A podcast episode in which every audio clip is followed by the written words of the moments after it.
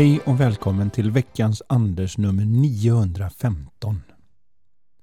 Hoppas att helgerna har varit bra och att du har hunnit ta en titt på förra coachbrevet och gjort en plan du verkligen gillar för 2024. Har du inte gjort det så ta gärna en titt på andershaglund.se under veckans Anders. För om du inte har en plan för ditt liv så faller du in i någon annans plan för deras liv och gissa vad de har planerat för dig? Inte mycket. Dessutom är det nu dags för dig som vill följa med till vackra Villa Bodi på Solkusten att boka din plats. Det är den 3-5 maj och du hittar mer information på andershaglund.se under event och du kan boka direkt eller få mer information genom att mejla till karin lifevision.se. Det kommer att bli en riktig höjdare där jag delar med mig av både det bästa och senaste om hur du avtäcker dina bästa resurser och har kul medan du gör ditt bästa. I den här veckans coachbrev funderar jag på en sanning som jag har delat med mig av i över 25 år nu. Att den viktigaste person som du pratar med är du själv och du lyssnar alltid, så var lite försiktig med vad du säger. Kan vi verkligen genom att hålla några små löften till oss själva göra stor skillnad för både våra liv och hur vi ser på oss? Ditt liv är ett mästerverk. Anders Haglund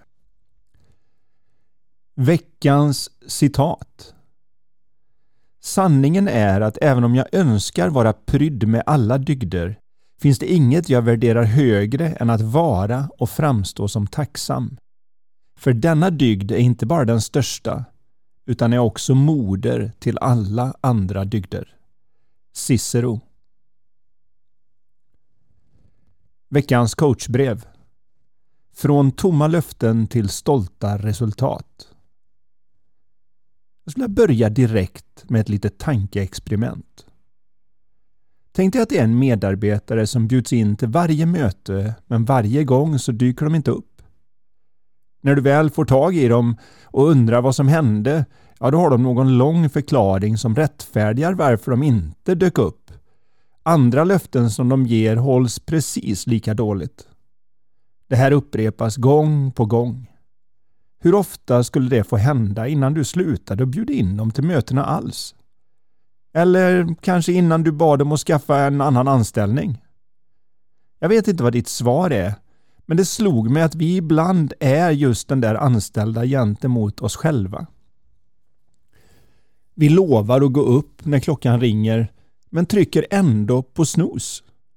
Vi lovar att aldrig mer brusa upp med barnen och står ändå där och är rödkindat irriterade. Vi ska äta bättre men stoppar ändå in saker i munnen som vi vet inte är bra för oss. Kan du känna igen dig i det här?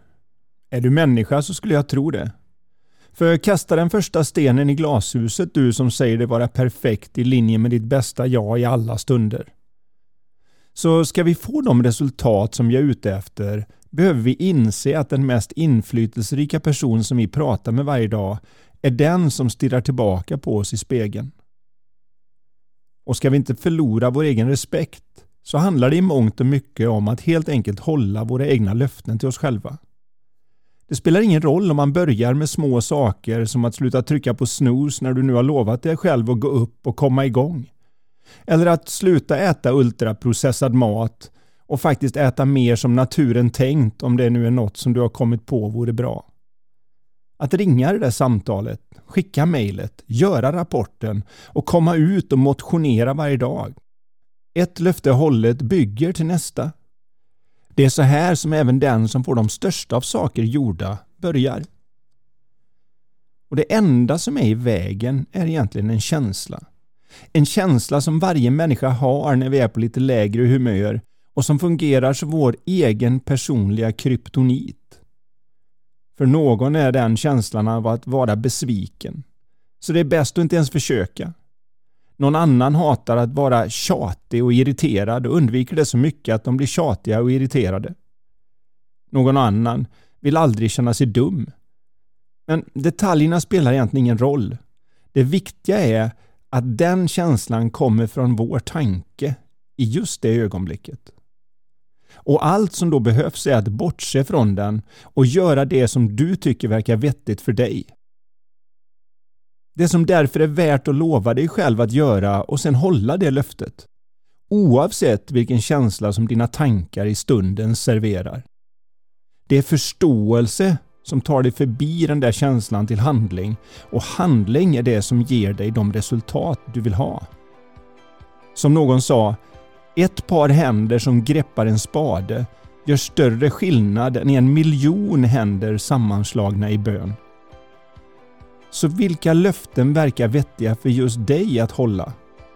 Att titta i riktning mot och hela tiden återkomma till när det visar sig att du är människa och kanske missar någon gång. För det är kontinuitet och inte perfektion som gör att små saker leder till stora resultat. Så börja med något litet att hålla och bygg vidare. Jag lovar att du nästa år vid den här tiden kommer vara så glad att du började nu. Om du gillar det du har hört, dela gärna med dig på Facebook och andra sociala medier. Vill du veta mer? Gå in på andershaglund.se eller lifevision.se.